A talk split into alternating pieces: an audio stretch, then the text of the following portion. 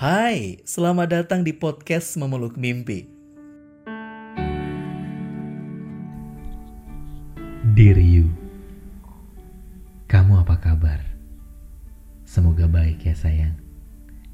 Walaupun tiap hari kita ketemu, tapi izinkan aku menuliskan sebuah surat untukmu. Aku lihat-lihat dan rasakan kayaknya sayangku ini lagi banyak beban pikiran ya. Lebih sensitif gitu bawaannya sayang.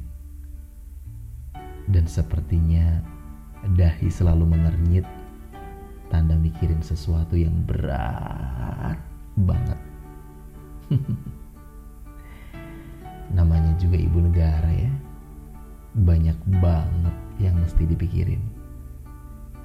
Dari debu-debu di lantai, sampai harga minyak goreng yang meroket terus sampai ke langit. Dari urusan dapur sampai ngurusin dua anak yang makin hari energinya makin membuncah tak karuan.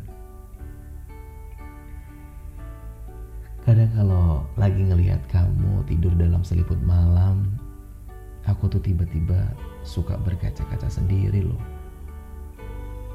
Kamu tuh hebat hebat banget sayang. Aku tuh bangga banget. Ya meski kau selalu bilang, aku ini kan cuma ibu rumah tangga. No, buatku, kau ini udah lebih dari ibu negara yang sedang mengasuh dua calon orang besar yang bakal memimpin dunia ini nantinya sayang. Meski energi dan tenaganya terkuras habis, percayalah bahwa usahamu tak akan pernah mengkhianati hasilnya. Semangat selalu ya, mendidik anak-anak kita yang multi talenta, mengasuh anak-anak kita yang sedang berjuang mengejar cita-citanya.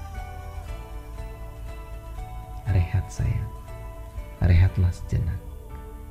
Ambil jeda satu atau dua kali dalam sehari agar pikiran menjadi fresh dan siap kembali bertarung melawan tentara-tentara kekhawatiran. Ambil rehat 5 sampai 10 kali waktu untuk sujud sejenak. Menyerahkan semuanya yang sudah benar-benar kau usahakan. Manusia memang hanya bisa berusaha kan sayang. Untuk hasil dan tujuan, biarlah jadi kebijakan sang kuasa.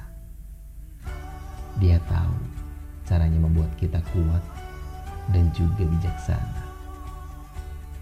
Ingat ya, rehat. Rehat saya.